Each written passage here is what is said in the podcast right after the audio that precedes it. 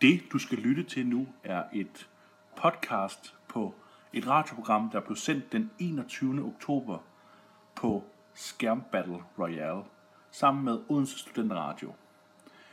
Programmet er cirka en time, men vi når ikke at blive færdige med programmet, så øh, det du vil høre, det er, at programmet stopper bræt undervejs. Derfor vil jeg vende tilbage, når programmet er overstået, for at komme med en lille opsummering og forklare, hvad det er, der sker til allersidst.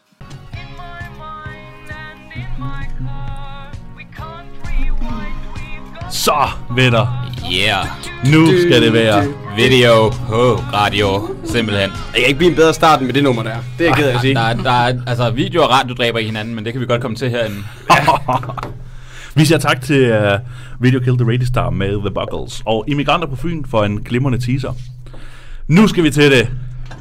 Dum, dum, dum, dum. Et splitter nyt koncept har vi præsenteret og har vi med her i dag.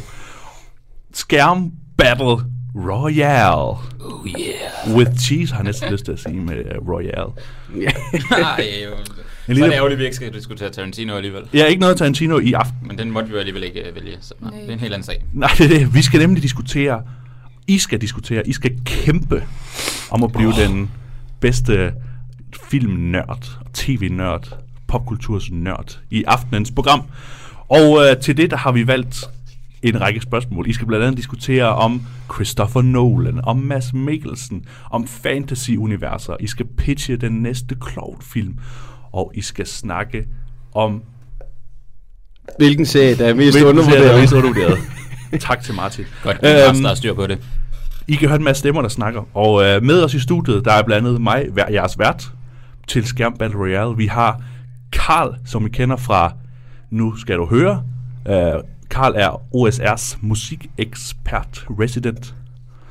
Vi har med os, vi har Maja, som er medievidenskabsstuderende og en øh, ekspert ud i øh, alt, der er ved at vide om tv og film og whatnot. Ja, hold op. Vi får se. Velkommen til, Maja. Og vi har Martin, Ja. der er vært i øhm, den orale fase. Jeps. Sender i morgen. Det gør vi ikke. Det der, gør er, vi ikke. der er fotoshoot. Så Der photoshoot. vi skal ud og tage billeder sammen med alle jer andre. Ja, det kan Du jeg skal glæde ud jer og, til. og, og ligne en, øh, en glad julegris igen. Det vil jeg meget gerne. Gerne i noget dametøj. Det ynder jeg gerne at klæde mig på, når jeg skal tage billeder i, med den orale fase hat på. Så skal Ja. jeg gerne i kjole. så det, det kan godt være, det ender med det igen. Det vil jeg da ikke afvise. Så det bliver kun godt. Jamen, jeg glæder mig allerede. Det kan jeg godt forstå. Det gør jeg også.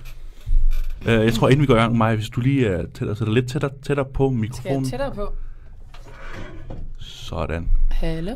Yes. Yes. Øhm, lad os, without further ado, gå i gang med første spørgsmål. Det, der sker, det er, at du kæmper i i de her fem spørgsmål. Og når de her fem spørgsmål er gået, så har vi to finalister, der skal ud i en lynrunde, som vil afgøre, hvem der har vundet aftenens program. Uha, uha, uha. Og sådan vil det gå hver anden onsdag i ulige uger. Altså hver onsdag i ulige uge. Og Jeg må da næsten tilføje også datoen i dag, som der er blevet valgt. Den er jo helt perfekt, Jens. Jeg ved ikke, om det er bevidst fra din side, at det er jubilæumsdagen for, øh, eller faktisk dagen i dag, hvor tilbage til fremtiden rent faktisk Ja, er havnet. McFly er her. ja vi har været over at gøre her velkommen, Øh, uh, bare Marty lige McFly. pointere, At, at jeg er ikke sikker på, at Martin, eller Marty McFly er her endnu, fordi filmen foregår i, på vestkysten i USA. Ja. Og øhm, på det der øh, billede, man kan se, hvor de lander, der lander de klokken 4 et eller andet. Øhm, og det er den altså ikke over i USA endnu, så vi må lige vente lidt. Ah, pis.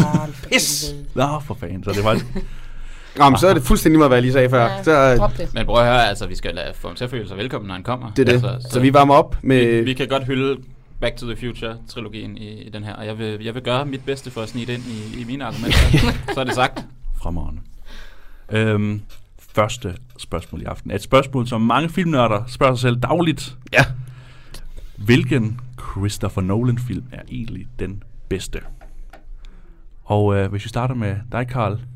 Hvad har du valgt som den bedste Christopher Nolan-film? Det, det, er jo, en- det er jo et svært spørgsmål. Lad os sige det sådan. Ja. Øhm, jeg har valgt The Prestige. Øh, og det har jeg gjort, fordi at, øh, altså, for det første har den en fantastisk cast. Det er selvfølgelig øh, Bale, Christian Bale, og så har vi...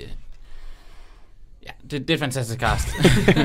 god start, god start, du ved. Øh, men, men samtidig så er den øh, sindssygt, sindssygt velfortalt. Altså, den holder seerens hjerne i gang hele tiden. Men uden, som øh, mange andre Nolan-film gør, at, at, at blive, du ved, sådan bloated, oppustet, at det, det bliver for meget, hvilket jeg synes har været en tendens i hans, øh, i hvert fald senere film. Mm-hmm, mm-hmm. Øhm, den har flere sindssyge twist. Altså, der er ikke bare et twist, der er to, tre stykker.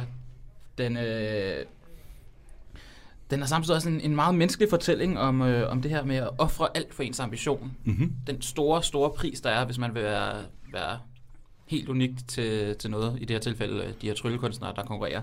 Ja. Og samtidig er det også en, øh, en historie om, hvordan ambition og, og rivalisering kan, kan ødelægge øh, både ens egen, med, eller med, ens egen menneskelighed, men også øh, de personer, der er omkring en.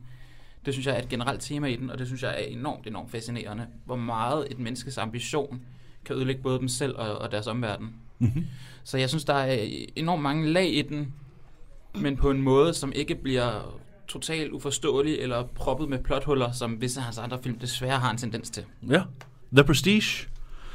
Uh, Maja, hvad har du valgt af Christopher Nolan? Mm, Ja. Øh, jeg har valgt The Dark Knight, The Dark Knight. som jo er anden film i Batman-trilogien. Mm-hmm. Øh, og jeg synes, det er ja, den bedste Nolan-film. Der er action, action, action hele tiden. Altså, man keder sig ikke i en enkelt scene. Øh, og der er stadig det her lille touch af forvirring, som vi ser i så mange andre af hans film, men det bliver ikke for meget. Det bliver ikke sådan, at vi ikke kan, kan følge med. Og så synes jeg bare, at han har genskabt den her tegneserie, altså det her univers fra Frank Miller, så Mm-hmm. exceptionelt godt. Altså, øh, og i forhold til, at der også er en tidligere række af film, som også har været helt fantastiske. Altså Tim Burtons film, øh, Batman-film, har, var også meget god. Men Ja. jeg synes, den her, den stikker, og den har sat helt nye grænser for, for superheltefilm. Og det der halvfjollede univers øh, fra for eksempel Tim Burtons Batman-film, det er, det er ligesom væk, og den er blevet mere seriøs og dyster, og det er blevet mere en, en voksenfilm for... Ja, Ja, for et voksen publikum. Ja, præcis. Øh, og så er der jo øh, det, vi alle tænker, og det er Heath Ledger som Jokeren, og Ja. det er bare det store S. Altså, øh, det er fuldstændig legendarisk, hvordan han spiller den her skurkerolle. Mm-hmm. En god præstation. Ja, ja fuldstændig. Åh, oh, der, vi, der vi tror vi alle er enige. Ja. Det, det, det Ja. vil jeg ikke argumentere mod. Men ikke den bedste. Øh, og ja, der bliver jo introduceret hele to skurke Ja. i den her film, som jeg også synes er fedt. Two-Face er også en fed, fed skurk. Øh, og så det her med, at Rachel hun dør. Åh, oh, Spoiler! Nej, jeg har ikke fået den set! Nej, okay. Det var derfor, jeg ikke valgte den, fordi jeg har simpelthen ikke set den. Eller...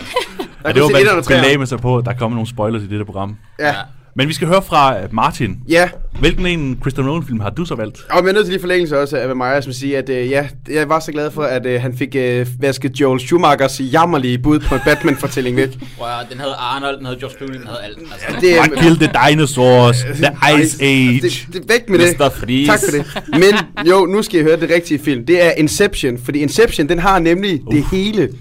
Det er altså en film, hvor Nolan har fået lov at bruge penge. Han har nemlig bevist sit værd allerede med The Prestige, allerede med The Dark Knight, Batman Begins i 2010. Og den har stadig været ni år undervejs. Han havde allerede filmen, ideen til filmen klar i 2001. Han fik så i 2010 endelig lov til at udgive den her film. Og man kan se, at det er altså en Nolan-film, også ind til benet. Og hvis vi så også øvrigt snakker cast, vi har et fantastisk cast. Mm. Vi har en Tom Hardy, der er på vej frem, som jo den dag i dag nok er min yndlingstom overhovedet af alle. Og hvis jeg kender en derude, der hedder Tom, jeg er ligeglad. Tom Hardy er min yndlingstom, sådan det. Hvis jeg har crush, så er Tom Hardy. Joseph Gordon-Levitt, der er også bare er fantastisk. Vi har Ellen Page, også super dygtig i den. Vi har skuespillere over dem alle, Leonardo DiCaprio. Og en overset skuespiller, synes jeg set, Cillian Murphy, som også spiller skide godt i den her film. Altså, vi har fantastisk cast. Og vi har altså også stadigvæk med at gøre med en film, hvis slutning, der stadig bliver diskuteret den dag i dag, fem år efter, med den her snoretop. Og der er så mange teorier. Du kan finde de vildeste fanteorier derude. Og der er ikke nogen, der kan blive enige om, hvordan slutningen er. Og Nolan selv er stadig lidt mystisk omkring slutningen, og vi er egentlig ikke rigtig ud med, er han i en drømmeverden, en Cat DiCaprio, eller er han i den virkelige verden? Hvad sker der? og det er, altså, det er, du, og men det er netop det er en film også, hvor der er action, men du sidder samtidig også med, det, det er en god fortælling, og du sidder tryllebundet, synes jeg også, i hele to og en halv time, som filmen var. Egentlig er det faktisk en tragisk historie, når man går ind til karaktererne. Tager dem, øh, især DiCaprios historie er jo vanvittigt tragisk. Altså, det er en mand, der ikke engang kan danne sin egen drømmeverden, fordi han er bange for sin egen underbevidsthed, hvor hans kone ligger og lurer. Så han er nødt til at hente Ellen Pages karakter udefra, simpelthen for, for at kunne skabe det her fantastiske univers, og generelt bare fortællinger omkring drømmene i drømmene i drømmene. Mm-hmm. Det der med at leve en drøm. Hvad sker der, når man lever i en drøm? Og er det overhovedet en god idé at leve en drøm? Altså, det blev skabt et, et spørgsmål omkring, at men, er det en god idé at leve en drøm, hvor, det faktisk, hvor man bundet kommer frem til svaret, nej, fordi at du kan bare ikke abstrahere dig fra virkeligheden, lige meget hvordan du vil leve en drøm eller ej. Øhm, der er ikke noget lagt til tilfældigheden, som han har været ni undervejs. Altså, det er en fantastisk øh, fortælling, og den er virkelig detaljeret til benet. Og ved siden af, at det er en god fortælling, der, så er det en blockbuster. Det var den mest populære film bare i Danmark i 2010, med 500 og 16.532 billetter solgt bare i Danmark. Så Inception fra 2010 er Nolans bedste film. Og i øvrigt også rated på IMDb til 8,8. Lige lidt under The Dark Knight, men det er fordi, at der ikke havde nok. Men jeg Dark synes, Knight havde fandme også mange fanboys. det er det. Leonardo og hans koner, de havde altså også noget i, i, i den periode. Altså, Shutter Island, det, det er jo det samme. Altså, Ja. Øh, Ja, lige præcis. Ja, men Christopher Nolan har mange fanboys i det hele taget. Carl, hvorfor er Prestige bedre end uh, Inception og The Dark Knight? Fordi den holder det simpelt. Øhm, lad os sige det sådan, i forhold til The Dark Knight, så er Prestige ikke for lang. The Dark Knight er for lang.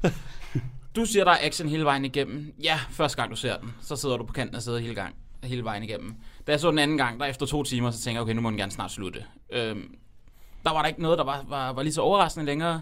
Så jeg, jeg, jeg havde ikke det der behov for at få fyldt alt den tid ud. Den var simpelthen for, for langsom. Inception. Du snakker om, at øh, folk stadig snakker om den der slutning. Det er måske, fordi de blev lidt forvirret over filmen. altså, udover det, hele filmen bygger på, at han, han skal se sine børn igen, fordi han kan ikke komme hjem til USA. Hvorfor fanden får han ikke bare flået bøjlen ud til ham selv? Altså, det, altså, hvorfor? Hvad laver du, Leo? Altså, øhm, Udover det, Inception er en fantastisk film, og det er The Dark Knight også. Det, det, skal, det er slet ikke det, vi skal ind i. Men, men, men jeg synes netop, du sagde, at han gik big budget på den. Det gjorde han også på, på The Dark Knight. Og når Christopher Nolan går, går big budget, så bliver det til lidt for, for oppustet, opstyltet, alt for mange gimmicks, øh, alt for mange forvirrende lag. Det værste eksempel er selvfølgelig Interstellar, som ingen er så valgt af gode grunde. men, men, men, men det samme gør sig lidt gældende i Inception, og til dels også i The Dark Knight. De, de bliver simpelthen for... Altså, han, han prøver at, at være kompleks, og han bliver for kompleks. Hmm. The Prestige har plot-twistene, de har de klassiske Nolan-traits, men samtidig holder den det simpelt. Og derudover, så har The Prestige David Bowie med, og det er der ikke nogen, der kan hamle op med.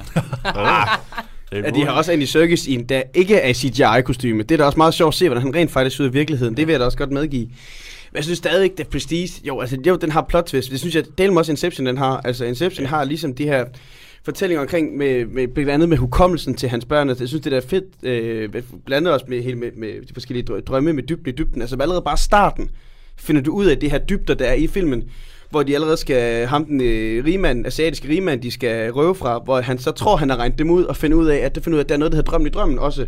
Og så går drømmen, drømmen i drømmen. Altså, det er virkelig, jeg ved godt, det bliver langt ude, men jeg synes stadigvæk, altså, du sidder stadigvæk og bliver, ikke, jeg bliver forvirret til at starte, men alligevel så forstår du det, og synes stadig, det er fantastisk, den måde, det er skruet sammen på. Og jeg synes stadigvæk, jeg forstod filmen, og det synes jeg er imponerende, at jeg kan forstå en film, der er så bund og grund så indviklet i form af de her drømme og de her universer, der de dykker ned i hele tiden. Og alligevel så følte jeg mig ikke sat af på noget tidspunkt personligt. Øh, altså, så det godt lige, du smider David Bowie som Nikola Tesla. Det, det, han kan da synge, jo jo, men skuespilspræstation... Oh, han har så meget karisma, han kan alt. David Bowie. jeg elsker Ja. dig. Udover det, øh, konceptet til Inception, det kan godt være, han har haft det klar i lang tid, men øh, det er jo stadig hugget fra en Anders Sand tegneserie. En god Anders Sand tegneserie. Don Rosa, tror jeg, der, der har lavet den, øh, hvor det er onkel Joachim og hans øh, underbevidsthed og, og drømme og fortid. Øh, den er et, et læsværd. Øh, det er lige før, jeg nød den lige så meget som Inception. Hvad, vi skal høre, Maja, hvad med uh, Dark Knight? Hvorfor er den bedre end de to andre her? Jamen, jeg synes, at altså, Inception, det kan godt være, at jeg kunne følge nogenlunde med, men jeg kender bare flere, som slet ikke har kunne forstå den film. Nej. Man skal virkelig, virkelig, virkelig, virkelig, virkelig koncentrere sig, og der er, mm, jeg synes, den er fantastisk, det vil jeg ikke sige, at den ikke er, men, øh, men, men den, er for, den er for indviklet til nogen. Altså, den, den er ikke venlig til et bredere publikum, synes jeg ikke. Nej, Ligesom nej. øh, The Dark Knight og, og The Prestige måske ville være. Ja. Øh, skal jeg lige tænke mig over nogle, nogle negative ting om det, The Prestige, men det har jeg lidt Så kan vi lige høre, Ja, det er øh, Prestige, vil jeg da gerne sige. Jeg synes, fantastisk omkring, at det er en tvillingebror, der er Christian Bales nummer hele tiden, den synes jeg ikke... Jo, den var svær at regne ud, men altså indrømme, da jeg så den, der havde jeg det altså på fornemmeren, må jeg indrømme. Det havde Jeg man, synes- men det er, jo ikke, det, er jo ikke, det er jo ikke engang det, der er twistet. Nej, det er det, der er så vildt, at der er de flere twist, fordi Ja. twistet kommer jo hvor han sidder i fængsel og læser dagbogen, hvor, hvor man hører, hvad det er Hugh Jackmans stemme. And this is to you, Borden. Sitting there in your prison cell, awaiting the trial for my murder. Eller, altså, det, det er jo der, man tænker, wow, hvad skete der lige der? Jo, Og det er oven i de andre plot twists, som også siger, wow, hvad var det lige, der skete der? ja. Jeg synes, det er... Det er igen også flere lag, men, men på en måde, som er... Er mere, hvad skal man sige, simpel, øh, veleksekveret, vil jeg ikke sige, fordi Inception er enormt veleksekveret. Mm. Mm. Det, det, det går jeg gerne med på. Men den bliver lidt for oppustet. Det, det, det bliver simpelthen, altså, du ved... En, en flødebold er godt, men, men seks flødeboller, så begynder man at føle sig lidt skidt tilpas, ikke? øhm, Jeg synes bare også bare forklaringen med kloningerne i Prestige, at det er også et, et nemt købt øh, plotfest i forhold til et dobbeltgængernummer. At det kloning er svaret på det, øh, og så i forhold til vand, vandtanken. Og så det skal være Nikola Tesla, han skal drages ind over med hans øh, øh, hvad hedder det, videnskab og så videre. Jeg synes ikke nemt købt det. Jeg synes bare, at det, den, jeg synes bare, at den, øh, den er nemt forklaret, så det er bare kloning, derfor er det hans dobbeltnummer forklaret. Men, men vandtanken er jo også, øh, altså det her med, at han hver aften ikke ved, om han ender på balkongen, eller om han ender nede i vandtanken. Det synes jeg er, er det, Det- det ultimative sacrifice. Øh, og han, det viser, hvor langt han er villig til at gå for at opfylde sine ambitioner i det her, den her rivalisering. Han tager det skridtet videre end bare tvillinger. Det er så hjernedødt. Ja, det var din afsluttende bemærkning. Martin? Og min afsluttende bemærkning, det vil så være at promovere min egen film. Fordi jeg synes, det er, det er nemmere at ophøje en Inception, det er at kritisere de to andre film, som jeg vundet synes er rigtig, rigtig gode. Det kan vi godt blive enige om. Øh, og det vil jeg helt klart sige netop med Inception. Altså, jeg synes, Inception, generelt manuskriptet til Inception, er vi også nødt til at fremhæve her, som han også er med til at skrive. Jeg synes, det er simpelthen så godt eksekveret. Replikkerne sidder altså lige i skabet. Du har de her små underspillede scener, hvor de sidder og diskuterer. Blandt andet scenen, hvor Ellen Page bliver introduceret til drømverdenen, hun selv ved det. Hvor DiCaprio forklaring. Men, du, men, men har du aldrig lagt mærke til, at når man sidder i en drøm, så virker det ikke urealistisk, når man sidder i situationen. Det er først bagefter, det går op for en, at det er urealistisk. Og så går det så op for hende. Hun faktisk har siddet i en drøm aften samtale med DiCaprio de sidste 5 minutter. Og generelt, jeg synes bare, at det spiller bare, og karaktererne hver især er skrevet så godt. Altså, Jonathan Godt-Lewis karakter, som der alt muligt mand. Tom Hardy, som den her, øh, kan man kalde det, en, bund og grund en 20-knæk, der kan tage for lommerne, men også, også øh, kan ændre sig selv alligevel, den her lidt bad, bad boy. Øh, og Tom Hardy, når han er bedst også. og DiCaprio også bare snyder sig også og spiller fantastisk, som DiCaprio nu kan. Jeg ved ikke, han spiller meget DiCaprio i filmen, men det gør han så også. Kun som DiCaprio kan. så øh, Inception, det er vinderen. Og Maja? Ja, øh, jeg gør ligesom Martin. Jeg lader være med at, at, at hakke ned på de andre og fremhæve min egen i stedet for. Altså, jeg synes jo klart, at The Dark Knight er den fedeste, og endnu en kommentar, og endnu noget, der begrunder det, det er bare de her karakterer, som er bare så fede. Altså, du har ikke en, en pure evil karakter her i, uh, i Batman, altså, og der er ikke pure good guy. Batman, han har lidt af hvert, og der er to sider af samme mønt, og Jokeren, som prøver at skubbe Batman over til, til hans side, fordi han godt kan se, at de minder lidt om hinanden. Come join the dark side. Ja, lige præcis. Altså, jeg synes bare, at karaktererne i filmen er øh, helt fantastiske. Batman, I am your father. Jeg har hørt nok. Øhm, wow. God, uh, god kamp, venner. Øhm, jeg tænker, jeg er nødt til at give pointet til Karl. Fordi Ej. Karl, han øh, formåede, som, øh, som havde, han havde de bedste pointer mod de andre film. Der var noget med, at, øh, at øh, Dark Knight blev for lang, og at øh, der ikke var action nok hele vejen, og at øh, Inception blev for indviklet. Det var også en pointe Ja. ja. for mig. Og, øh, og der savner jeg lidt mere øh, sådan kampgejst hos øh, de andre, så... Øh, Prestige er så også bare svær at negligere. Ja. Det synes jeg virkelig, for Ja, det er nemlig de er Nolan, er det bedste, og det... Jeg, jeg stod og vaklede rigtig meget mellem The Prestige eller, eller de to, I havde, og der valgte jeg The Prestige øh, mest af alt måske, fordi at det, det ikke var det helt åbenlyse valg. Nej, altså det er også en film, man glemmer, han har lavet, som er fantastisk. Mm. De har lige åbnet for billetsalget til øh, den kommende Star Wars-film. Og Star Wars er et univers, som Mads Mikkelsen også har fået en rolle i. Ja, Og det perfekt overlæg, Jens. bliver spændende at se, uh, hvordan, hvordan han klarer sig i sådan et sci-fi CGI-heavy univers. Bliver det de tre musketerer, eller bliver det James Bond? Øhm, nu skal jeg bare høre, Mads Mikkelsen har jo et, et, et væld af film bag sig. Uh, Og øh, han har jo mange store skuespilspræstationer. Så jeg har spurgt jer, hvilken skuespilspræstation, der egentlig er Mads Mikkelsens bedste. Og Martin, vi starter med dig. det vil jeg meget gerne. Det er selvfølgelig Adams Æbler fra 2005, Mads Mikkelsen er fantastisk der. Altså, Mads får lov til at give den fuld gas i den her. Altså, det er Mads, der bærer den her film. Jo, jo, vi har også Ulrik Thomsen, vi har også Nikolas Bro. Vi har også en lille rolle til Nikolaj Likås, Lars Rante. Paprika Sten er det da også. Men det er altså Mads' karakter, du følger, og der bærer den her film. Altså Mads får til fuld gas, og det er en helt anderledes rolle, man har set ham fra tidligere. Tidligere har man set ham i Blinkende Lygter, man har set ham i Rejseholdet, man har set ham i Pusher-filmene. Og det er altså den her Ivan i Adamsæbler, præsten, der nægter at se ondskaben i øjnene, eller der fornægter, at han blev udsat for ondskab. Den, øh, den er en helt anden karakter. Det er lidt af den neurotiske øh, karakter, som han også har i De Grønne Slagter, man synes, er en helt anden boldgade i form af Ivan her. Øh, fordi han spiller i bund og grund et godt menneske, der ikke, der ikke kan se realiteterne i øjnene. Og alligevel, så selvom han egentlig er præst og burde se, hvad det bedste i andre mennesker, så har han de her små momenter af egoisme. Jeg synes, det er fantastisk i det. Der er scenen, hvor Papa Kasten kommer med sit, øh, hvor hun er forvidet, hun måske får et barn, der er handicappet, hvor de sidder og snakker om det her barn, og så skal Ulrik Thomsens karakter, Adam, hente småkager til dem. Og det er så fantastisk, at han sidder, og hun sidder og fortæller om, at der er de her chancer for, at hendes barn bliver handicappet osv. osv. Og det eneste Masses karakter fokuserer på, det er, at han har fået tre små kager, og hun har fået to små kager. og hvorfor er det lige præcis, at øh, hun ikke har lyst til Hvorfor skal han have to, tre små kager, hun skal have to små kager? Og så siger han så, øh, uh, Ulrik Thomsen, det er da fordi, at dine var lidt mindre end hende, så derfor synes jeg, at dine tre gav bedre mening. Sådan. Det synes jeg, har du målt dem? Har du? altså, for det her, at den her måde, han abstraherer fra en, en seriøs scene, hvor hun sidder er i fuldstændig krise, og hun siger for et handicappet barn, grundet ned i tidligere alkoholmisbrug som ung. Og så går han over i at høre efter, og så bum, så fokuserer han på en par småkager, der ligger på en tallerken. Jeg synes bare, den her, at Mads Mikkelsens karakter, det er selvfølgelig også klassisk Anders Thomas Jensen øh, karakter, men jeg synes at Mads Mikkelsen, han eksekverer den her rolle helt perfekt. Mm-hmm. Og det er også sådan, men jeg synes virkelig, at man ser, hvordan han har udviklet som skuespiller, siden man så ham tilbage i Pusher i 96 og rejseholdet fra 2000 til 2004. Jeg synes, at han er, han er så troværdig som præsten Ivan, og at, øh, at, at han faktisk også ender med at vinde over sit modstykke, Adam, i den her film. Altså, han ender faktisk med Ivans karakter at vinde det her uh, duelspil, der kører mellem ham og Adam gennem hele filmen. Det synes jeg altså, det er fantastisk. Jeg synes, Mads han gør det helt perfekt. Mads Mikkelsen som Ivan. Ja. Ja. Maja, hvad har du valgt som Mads Mikkelsens bedste? Jeg har valgt Mads Mikkelsen som Alan Fischer i rejseholdet. oh. Det var der, jeg fik øjnene op for Mads Mikkelsen. Jeg, og jeg blev nødt til at tage den, fordi at han var mit største crush, da jeg var lille. Ja. Jeg elskede Mads Mikkelsen overalt på jorden, og jeg er så sikker på, at jeg har så mange piger på min alder, der har det på samme måde, og vi var fuldstændig vilde med Fischer. Mm-hmm.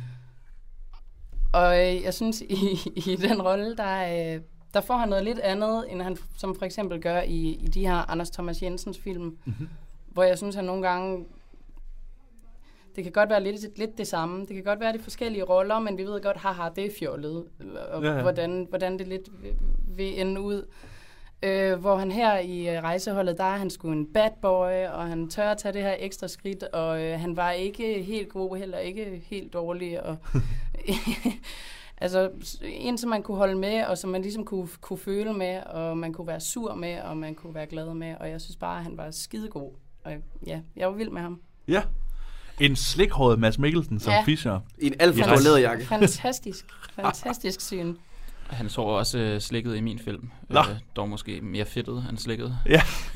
Ja, hvad har du valgt for Jeg vil bare en, starte med øh, at sige, hvad glor du på, din dumme ko? øhm, nej, jeg har valgt Blinkende Lygter. Igen Anders Thomas Jensen. Øh, men klart den øh, bedste film af de to, i mine øjne. Det er så en helt anden diskussion. Men, men, øh, Der er vi også enige i filmen, men ikke men, Mads. men Mads- Mads Mikkelsens rolle i, i den her er, er altså også fantastisk. Øh, både på grund af de one-liners, vi har både, hvad, hvad glår du på din dumme ko, og der er også den klassiske, det er en syg høn, der har lagt det æg. Det er altså komisk timing på, på allerhøjeste niveau. Samtidig så, så spiller han den her rolle, som er, er bare en del af, af ensemblet, det, det kan vi godt sige. Men, men han har hele tiden den her balancegang mellem øh, alvor og komedie, fordi det er nogle ret tunge emner, der bliver taget op. Det er nogle ret tunge figurer, men samtidig er der den komiske side af det. Og, og det synes jeg viser øh, to facetter af Mads Mikkelsens øh, skuespilstalent. Det her med, at han både har den der fuldstændig fantastiske komiske timing og, og, og deadpan komik, og samtidig så har han den her alvorlige ting, hvor, hvor man, man kan sidde og kigge på karakteren og føle, wow, der ligger noget her og venter. Og det har man netop med, med, med Arne, som han hedder i Blinkende Lygter, hvor man har den der minik, hvor han, han, han er sådan lidt skæv forsagt øh, eksistens, der i mange af scenerne, hvis man holder øje, så, så, så filmer, filmer man også ind på ham, og mens de andre snakker, og så kan man sidde, han sidder der og, og holder øje med, hvad det er, der sker omkring ham, og man venter bare hele tiden på, at han kan eksplodere ud i det her vrede øh, som for eksempel, øh, da han skyder en ko. En, en scene, der i øvrigt, øh, når man ser den, er Danmarks svar på De Niros berømte øh, You Talking To Me-scene. Så er det, hvad glor du på, din dumme ko? Altså, der, der er nogle gode paralleller der. Øh. Og han, han kan gøre den her scene både alvorlig, men hysterisk morsom på samme tid. Det synes jeg er, er, helt fantastisk. Så, så den viser flere aspekter af hans, øh, af hans talent, synes jeg. Øh, og så er det samtidig bare en helt, helt fantastisk film, øh, hvilket ikke tæller ned jo. Tre meget forskellige øh, roller, og alligevel deler lidt samme fællestræk. Hvad siger du til det, Martin? Jamen, øh, jeg kan da godt... Øh, jeg synes... Jeg overvejer selvfølgelig også Arne, men altså, jeg kan godt sige, at allerede synes, at andet valg, det var faktisk øh, hans rolle i Casino Royale. Det er sådan en helt anden snak. Men, Overvejer øh, øh, men jeg synes, som Arne-karakter, hvis vi skal tage den først, hvis jeg skal tage den først, og så give mit besøg på, øh, besøg på den, at det er...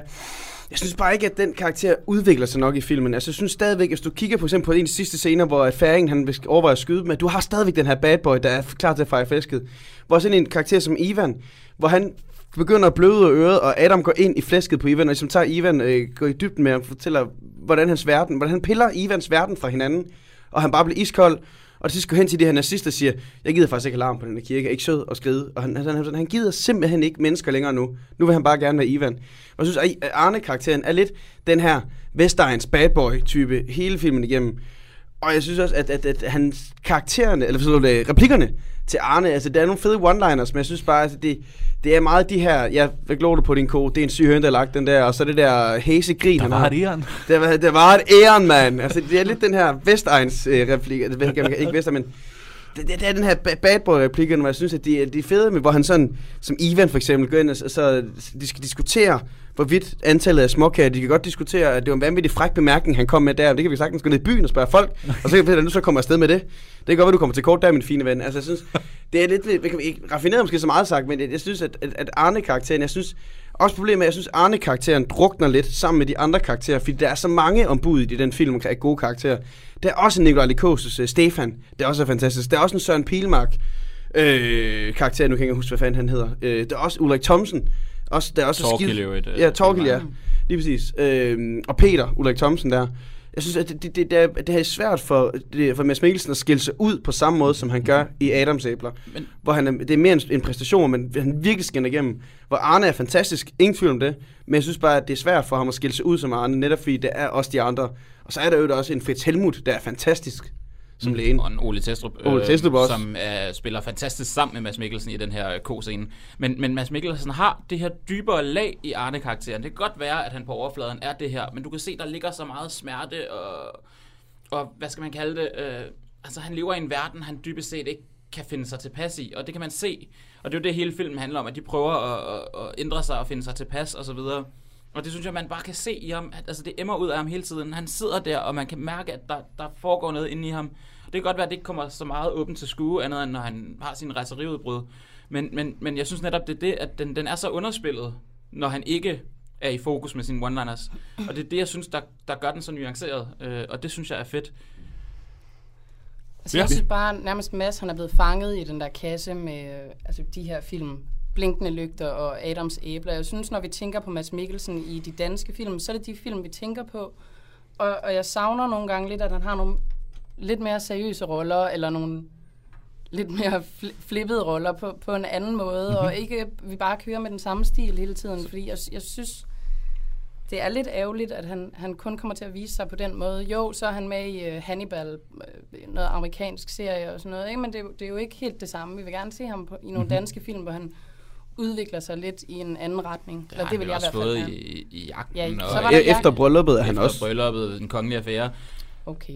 Altså, du, du vil jo også dybest set bare gerne have, at han kan få lov at se godt ud. Det er sådan, det lyder, ikke? Øhm, det, Men, men, men øh, jeg, var også, altså, jeg synes også, han er god som Fischer, men jeg synes igen, at Fischer-karakteren, det synes jeg bare, igen, der er ikke meget udviklingspotentiale i den. Altså, der er ikke meget udvikling. Der er lige lidt til sidst, hvor han har lavet noget bad cop-agtig øh, ballade der som Fischer, men jeg synes bare, at det, det er generelt for serien, altså alle karaktererne i serien, det er ikke som sådan Mads Mikkelsens skyld, jeg tror, Mads Mikkelsen gør alt, hvad han kan for at få Fischer-karakteren til blive perfekt. Men det er lige så meget, altså for at kunne være, karakteren også bliver gennemført perfekt, så skal den også være skrevet godt, og det, det synes jeg gennemført, at Ivan-karakteren jeg har set, hvad den er. Og i øvrigt også lige et shout-out til sidst, jeg har skrevet til Jens til hans rolle i, King Arthur, for der ja. han er den eneste interessante karakter overhovedet som Tristan. De andre karakterer er da virkelig, virkelig Ja, det kedelige. er en dårlig film i det hele taget. Dårlig film, men Mads Mikkelsen, det er ikke hans skyld. løfter lige lidt. Han løfter altså Det filmen var det lige. trods alt bedre, Og det samme han med tre De musketerer. Der Nej, løfter han nej, mig. ah, Jeg synes, altså, jeg der gør er det ikke okay. nogen, der kan løfte de tre musketerer. Ah, det var-. Det eneste, der ikke- løfter sig, der er det der mærkelige flyvende skib, Ja, altså, det der her er flyvende skib. Øh, Christoph Waltz prøver også, han kan heller ikke. Altså, hvis vi ikke engang Mads Mikkelsen og Christoph Waltz skal løfte en Jeg har film, så glemt, at ham Christoph Waltz var med i den film. som skurk. Der var mange skurke i den film. Der. Ja, det var Orlando Bloom i ufatteligt mærkeligt tøj. Afsluttende bemærkning. Øh, Maja, Åh, oh, nå, øhm, jeg ved fandme ikke lige, hvad jeg skal sige. nej, altså det, er- at den er anderledes. Det er en anden, anderledes rolle end de der Anders Thomas Jensen film. Jamen, det har jeg jo sagt, men Ja. ja. det er bare som konklusion, Ja. at det, det er jeg glad for. Og, og så igen, ja, det er der, jeg fik øjnene op for ham, og Mhm. det sidder bare der. Han er en speciel plads i mit hjerte som Fischer. Ja, den sidder i mange, han sidder i mange hjerter. Uh, henhold til tiden, så, så tænker jeg bare, at jeg stopper med, at- med at sige mere. Jeg, så føler jeg, at jeg har fået min vigtigste pointer igennem. jeg har også, hvad jeg skal, Nå, skal bruge her. Øhm, endnu et øh, svært valg. Mange gode pointer øh, rundt om bordet. Øhm, jeg tror, I kommer til at halte lidt af, at I er inde i det her Anders Thomas Jensen-univers, hvor måske Mads Mikkelsens uh, one-liner hurtigt kan flyde lidt sammen og, og blive det samme uh, komiske, hvor uh, ja, altså Ivans, Ivan er, er en lidt den samme karakter, som han bruger i uh, De Grønne Slagter måske ikke, og sådan noget. Og, og som uh, Maja ganske rigtig påpeger, så er Mads Mikkelsens uh, komedieroller rigtig gode, men der er også uh, plads til andre ting. Så jeg giver pointet til Maja. Nej, nej, Ja, Fischer, altså. for fanden. Det handler bare om at se godt ud. Ja, lige åbenbart. Også i studiet, til sydenlandet. Ja, ja. Ej. Yes. Øhm, tredje spørgsmål i det første program her er spørgsmålet, jeg har valgt at sige, er bedste fantasy-univers. Og der har jeg valgt tre ud, øh, som I hver har øh, valgt jeres favorit af de tre. Og øh, mellem de tre store fantasy-universer, som har kæmpe store fanbaser lige nu, der har vi Star Wars, Ringens Herre og Harry Potter. Og øh, Maja, hvad har du valgt for et univers? Øh, jeg har valgt Harry Potter, Ja. kan man sige. Valgt. Ja, det har jeg valgt. Ej, den har jeg valgt, øh, og den har jeg valgt, fordi at, øh, jeg synes, det er et fantastisk univers. Jeg synes, øh, det er totalt omfavnende. Det er små børn, såvel som voksne, som bare elsker det her univers, ud over alle grænser. Mm-hmm. Og det er så nemt at relatere til. Altså, i forhold til de to andre, Ringenes Herre og, og Star Wars, der er øh, Harry Potter jo et Hogwarts og et cetera er et parallelt univers, som lige så godt kunne, kunne finde sted lige nu. Altså får jeg et brev i morgen. Det er, det er meget nemt for, for fantasifulde mennesker at øh, leve sig ind i det her univers, synes jeg. Ja. Øhm, og så, øh, nu skal jeg lige være med her. Det her med, at vi ligesom er vokset, eller det er jeg i hvert fald. Jeg er vokset op sammen med Harry Potter. Jeg er vokset ligesom ham, altså mm-hmm. med, med filmene og med bøgerne. Jeg har været på alder med ham hele tiden. Han startede som barn, det gjorde jeg. Fik læst bogen højt af min mor. Og så kom filmene, hvor han var teenager, og der kom lidt nogle kærlighedsproblemer og så videre. Åh, og en det, dårlig film. Ja, ja, men altså, det hører jo med, når der er en teenager i en, en film. Ja. Øhm, og så synes jeg bare, at det også er nogle meget komplekse karakterer. Altså, jeg synes, de er fede, og jeg synes, de får lov at udvikle sig rigtig meget igennem de her film. Og at man skal vente hele otte film for at finde ud af, at Snape han egentlig er en øh, fin gut, øh, som bare var lidt forelsket i Harrys mor. Ja, nu regner jeg med, at folk, der lytter, de har set det. ja. Om Ellers så det. slukker de. Ja. Øhm, Så burde jeg slukke for længe siden. og man ved sgu ikke, hvem man kan sko- stole på. Øh, ja, og så... Jeg bliver bare ved, fordi jeg har meget her. Ja. Og der er også yderligere nogle meget stærke kvindelige roller Mm-hmm. i den her film, hvilket jeg synes er virkelig fedt, og noget, som de andre måske godt kunne halte lidt efter. Ja. Altså, der er mange, mange, mange, mange stærke roller. Ja. Og så synes jeg også, det er fedt det her med, at, at, at Rowling, hun, øh, hun er bare overhovedet ikke bange for at slå nogle af sine allerstærkeste karakterer ihjel. Mhm. De dør hele tiden. nogle, af, nogle af de allermest elskede karakterer, øh, de dør på stribe, og filmen fortsætter, og universet fortsætter alligevel. Ja, så fantasifuldt univers med teenager og drømmen lever og stærke kvindelige karakterer. Ja. Hvad siger Karl? Øh, du har valgt et univers også. Jeg har valgt The Original Gangster. Ringende sager. Ringnes her. Altså, hvis vi lige tager bogverdenen først, altså de kommer, altså, de kommer først med alting. Prøv at Tolkien, han er the one nerd to rule them all. Mhm. Altså, det univers, han har skabt, det er så udførligt, at det allerede af den grund er det vildeste af universerne. Det er simpelthen så dybdegående. Han har skabt hele sprog til elverne, måske også til dværgene, i hvert fald runesprog. Han har skabt en mytologi med guder og skabelsesberetninger, og jeg ved ikke, hvad fanden der ellers hører til. Han har skabt, jeg ved ikke, flere tusinde års historie. Og så kan man godt sige, Ringens Herre, jamen det, det er jo bare et lille nedslag i, i de her mange tusind års historie. Der må være så mange fantastiske fortællinger at fortælle i, det, i de her øh, tusinde år af historie, at, at, at man, man gerne vil dykke mere ned i det. Selvom Hobbiten var noget lort som film, så vil man gerne se mere af det her univers. Man ser alligevel Hobbiten, fordi universet fascinerer alligevel. Mm-hmm. Øhm, Udover det, altså, så har den også bare kommet med nogle arketyper af fantasyfigurer, som de andre så har, har picket op på. Altså, prøv at høre her. Dumbledore. Jeg elsker Dumbledore, men han er en second-rate Gandalf. Altså, han er en fattigmands Gandalf. øhm, og så kan det godt være, at du siger, at uh, Rowling tør dræbe figurerne. Ja, det kan da godt være, men Gandalf han er så fucking cool, han kommer tilbage fra de døde som en stærkere figur. Altså, hvor fedt er det ikke lige?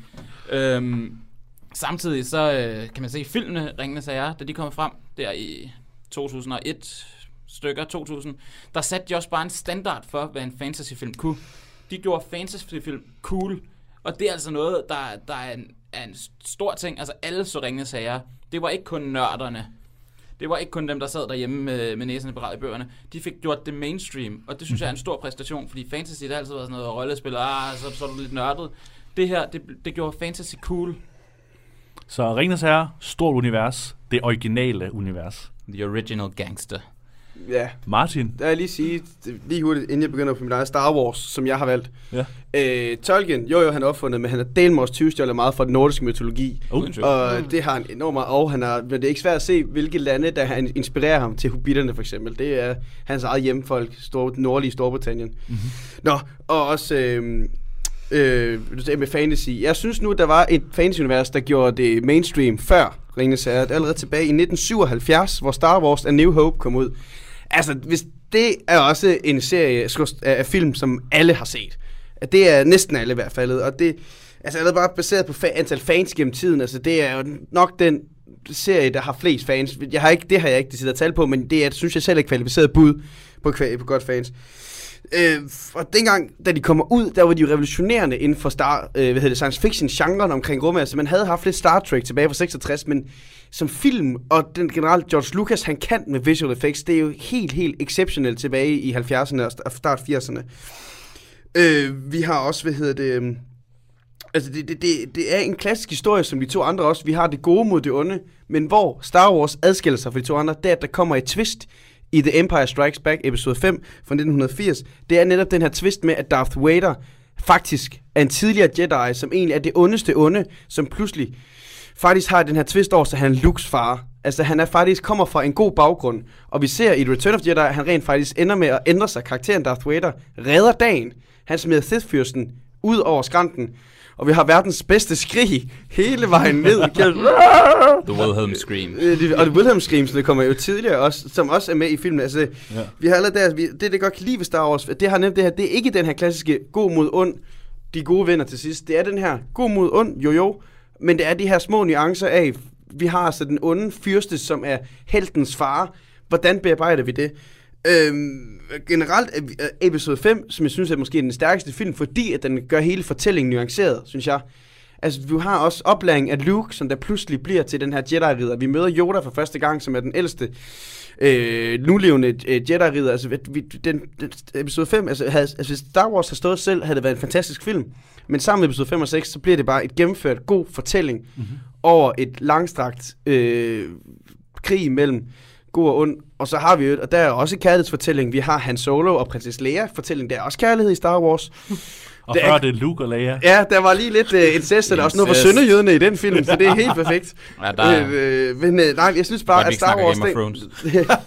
og, det, det var, og det var før Game of Thrones incest var populært dengang. Altså, det, jeg mener, altså Star Wars var bare fast på banen, og det gjorde det også øh, mainstream at se fantasy. Og vi ser bare nu, du fortalte det selv inden, Jens, den nye Star Wars film har solgt otte gange mere i pre i forsal ja. end Hunger Games, som også er en vanvittig populær øh, franchise. Ja. Så det siger bare noget om, hvor stærk den her franchise er, var og bliver ved med at være. Lige meget, hvor meget Disney køber den op. Og J.J. Abrams har lovet, den bliver ikke Disneyficeret. Den bliver med noget Star Wars sjæl i sig. Så derfor Star Wars. I, Star Wars øh, en i, ramme for god fortælling. I modsætning til filmen, du ikke nævner, The Prequels. Åh, Dem, dem skippede du lidt hen over. Øh, de er vel også en del af, af- Star Wars-universet. Jeg, jeg anerkender trods alt Hobbiten-filmene. Øh, derudover øh, synes jeg, at, at det du gør, det er mere at fortælle, at, øh, at det her er nogle fantastiske film, end at det er et fantastisk univers. Mm. Vi hører om storylinen og hvad det er, der sker og, og hvem, personerne er og så videre. Selvfølgelig, de hører til i universet, men, men, men, men jeg synes mere, vi hører, hvorfor Star Wars er en fantastisk film, eller en fantastisk serie, end det er, hvorfor Star Wars-universet er et fantastisk univers. Altså, jeg kunne også begynde at snakke om, om figurerne i Ringenes Herre, øh, altså Frodo, der Jamen, jeg synes- jeg synes, det ja, vi, skal lige have, vi skal lige have et forsvar fra Martin. Jamen det synes jeg, jeg kan sagtens begynde at fortælle om hele de her planetsystemer, hele den her idé omkring, at mennesket og, de andre væsener, der er, der er druider, der er så ved vi kan også snakke om selv univers, jeg synes bare, det der gør Star Wars stærk, det er fortællingen, og de karakterer, der er hovedkaraktererne. Jeg kunne sagtens gå ind i de her fortællinger omkring de forskellige planeter, de forskellige solsystemer, og hvordan, at, hvordan det er blevet muligt nu, at man kan rejse imellem, og det her, det må være, det er jo Inger Støjbergs værste mareridt, vi er vidne til i princippet, med den her integration af alle former for væsener på kryds og tværs af universer øh, der har fortælling. Og vi har det her imperie, der prøver at, at, at bestemme alle, og der er de her små, øh, hvad kan man kalde det, rebels, der også er ud af det her univers. Jeg synes, altså, det, det er også stadig et stærkt univers, netop i form af selve, det er jo på grund af grund sci-fi-ideen, det her med, at vi kan rejse mellem planeter mm-hmm. og galakser. Øh, som gør, at det bliver, og der er også en masse sprog. Øh, altså, jeg tror, det er C-3PO, der kan over 3.000 sprog, for så mange er han nødt til at kunne, for så bredt og stærkt og stort er det her univers. Men hvor mange af dem er opfundet i, i fuldstændig ned til grammatikken, som sprogene i Ringenes Herre er, hvor det rent faktisk er et sprog, der er opfundet, og som man kan lære at tale, som Tolkien har siddet og opfundet som en del af universet. Det siger noget om, hvor gennemført Ringenes Herre-universet er. Det er også unfair, fordi du sætter Tolkien, som var litteraturforsker for Oxford, op imod George Lucas, som er det, han kan. Det er visual effects. Hvor der er Tolkien så en Peter Jackson, hvis man skal tænke, der er flere om at skabe det univers. Mm. Hvor George Lucas har stået selv med Star Wars, og stadigvæk skabt det danske univers. En god fortælling. Og bund og grund skabt enormt meget fødslen til den flotte, flotte visual effects, som de var med til at skabe i 1977, da den første Star Wars film kom ud. Men ikke nogen tvivl om, at Star Wars var, var ahead of its time. Der er ikke noget der. Men øh, hvad angår universet, så Nu, føler nu har jeg, vi, at nu har vi hørt om, meget øh, om Star Wars Ringenes Herre. Vi skal Derudover høre er Star Wars om, sci-fi øh, er ikke fantasy, men det skal selvfølgelig ikke ligge dig til last. Vi skal høre lidt om uh, Harry Potter også, Carl. øhm, hvad, hvorfor er Ringenes Herre bedre end, her- eller Ringenes Herre universet bedre end det vi finder i Harry Potter med Hogwarts og Diagon Alley og Mm, Det er igen den her, der havde ikke været noget Harry Potter uden Ringenes Herre. Nå, er det Øh, rigtigt, Maja?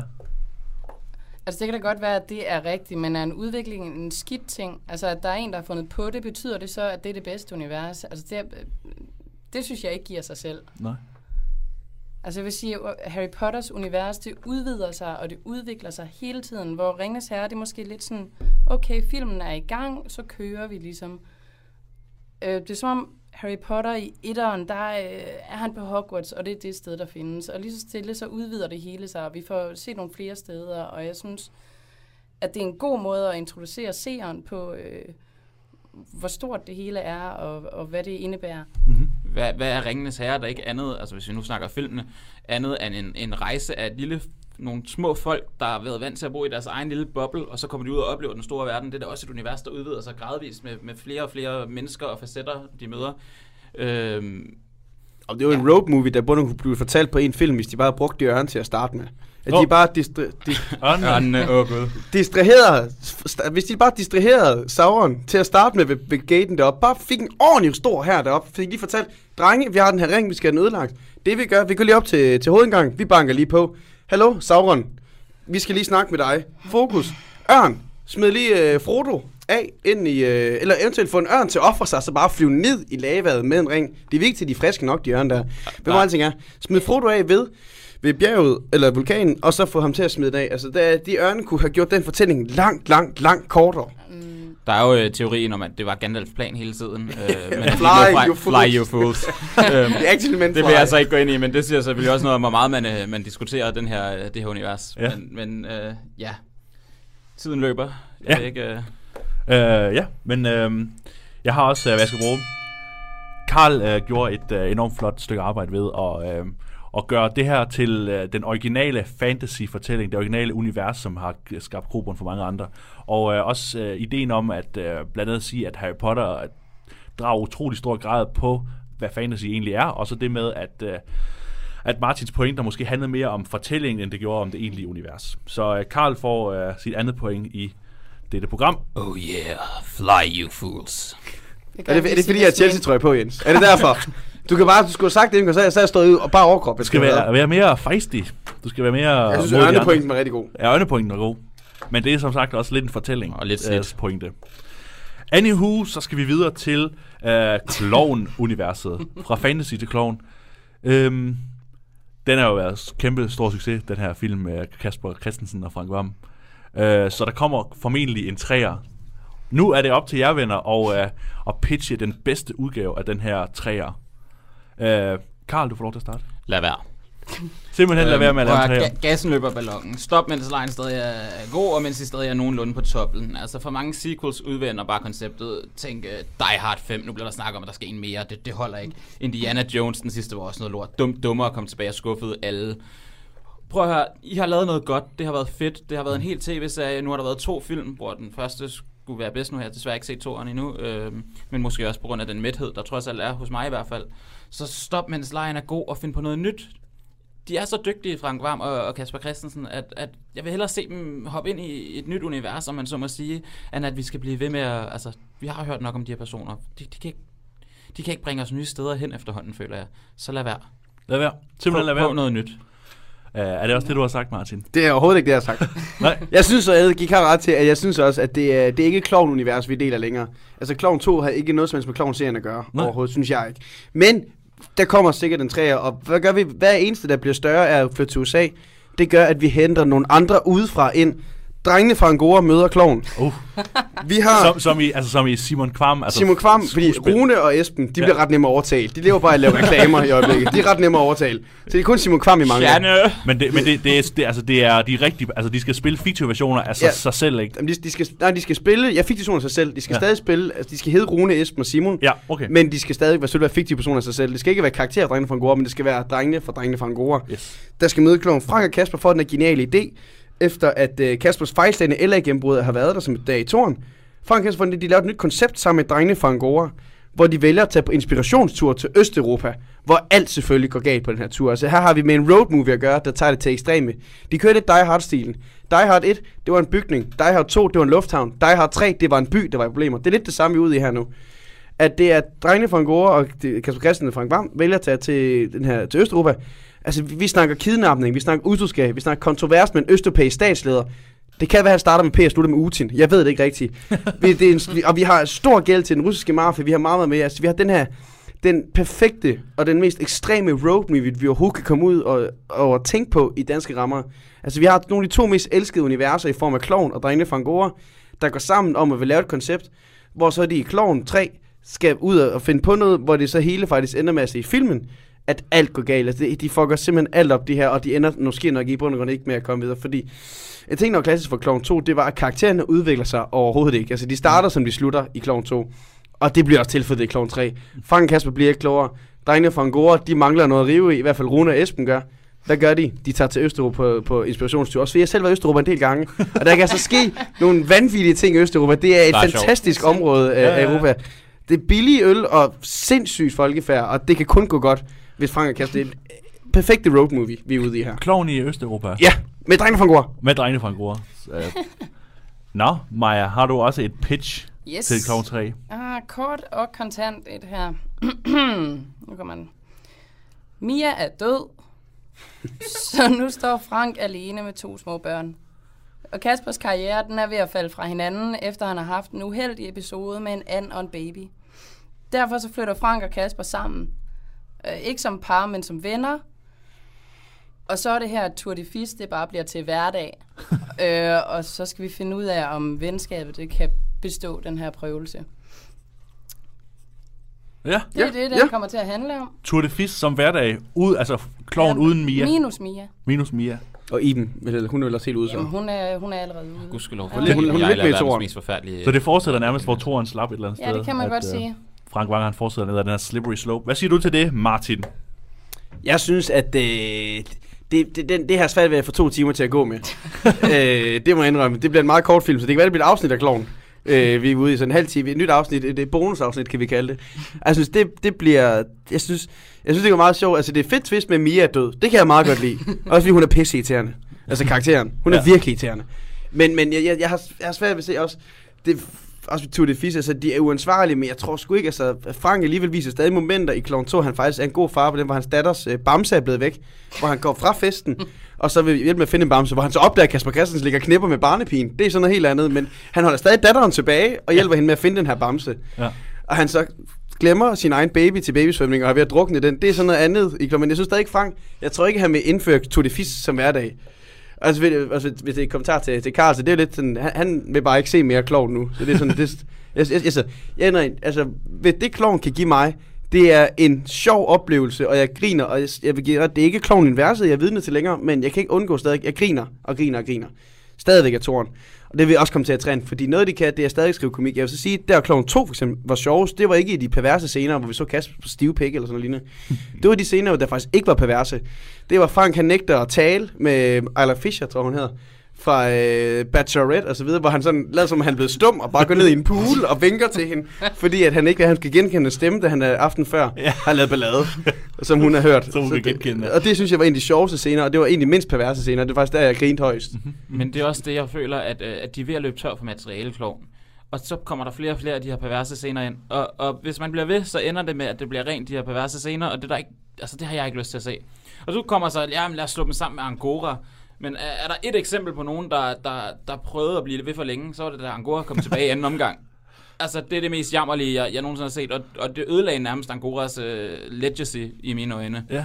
Øhm, ja, den anden, det altså hverdag, jo, det kunne da godt være, at de kunne komme med nogle, nogle nye facetter til det, hvad ved jeg, men altså, jo, jo, og to mænd, der bor sammen, det har vi allerede haft i Rosé-forbandelsen med, med det her, er de så homoseksuelle og, og så videre. Jeg føler stadig bare, at, at vi er ikke et sted, hvor, hvor, hvor de her nye, eller de her figurer kan bringe os nye steder hen, og så kan, synes jeg lige så godt, man kan lade være, og, og mere har jeg ikke at sige om den sag. Nej. Slam. Maja, er, er din uh, idé, er det bare kun en, et afsnit, eller kan det blive en hel film? Altså, jeg synes, det er snilt, det kan blive en hel film. Nu er det meget kort, jeg har forklaret det. Der kan da... Ja. ja. Jeg synes bare ikke, at kloven behøver det der ekstra kick i drengene fra Angora. Det vil næsten være synd. For noget af det sjoveste ved kloven, det synes jeg bare er Frank Varm i hans hvide underbukser, når han lister rundt på sådan en lidt akavet måde. Mm-hmm. Og har gjort noget pinligt, skidt i en kattebak, eller hvad fanden han nu har gjort. Det kan han jo sagtens gøre, når Mia ikke er der, altså, så er der ikke nogen til at holde om ørerne. Er det rigtigt? Kan man, er Mia en nødvendig del af den her historie og fortælling? Det ved jeg ikke, vi har jo ikke afprøvet det endnu. Nej, det- Men øh, Lad være. Altså, jeg har hørt nok, så uh, jeg kalder den allerede her.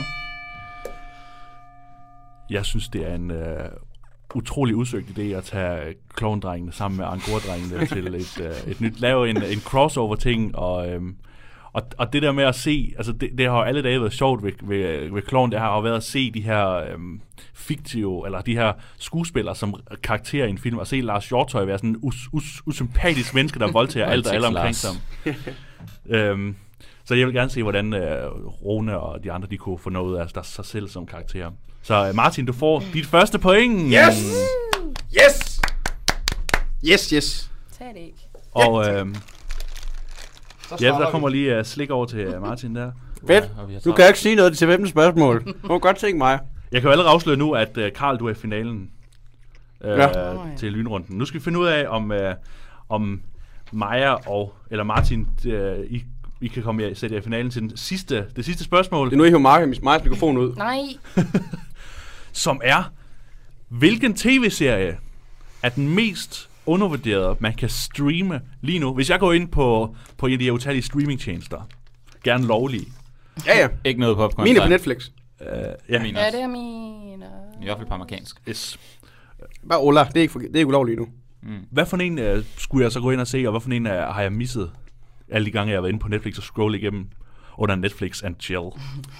Øh, du skal ikke chill til min. Der skal du simpelthen sige til damen, du er med over, det, vi kan ikke bolle i aften, fordi jeg skal se Peaky fucking Blinders. Peaky Blinders. Peaky Blinders. Fantastisk serie. Fantastisk serie. Det er et godt skuespil. Det er en fed historie. Altså, det er især første sæson. Den har virkelig, virkelig nogle fede karakterfortællinger. Og det er Cillian Murphy i hovedrollen.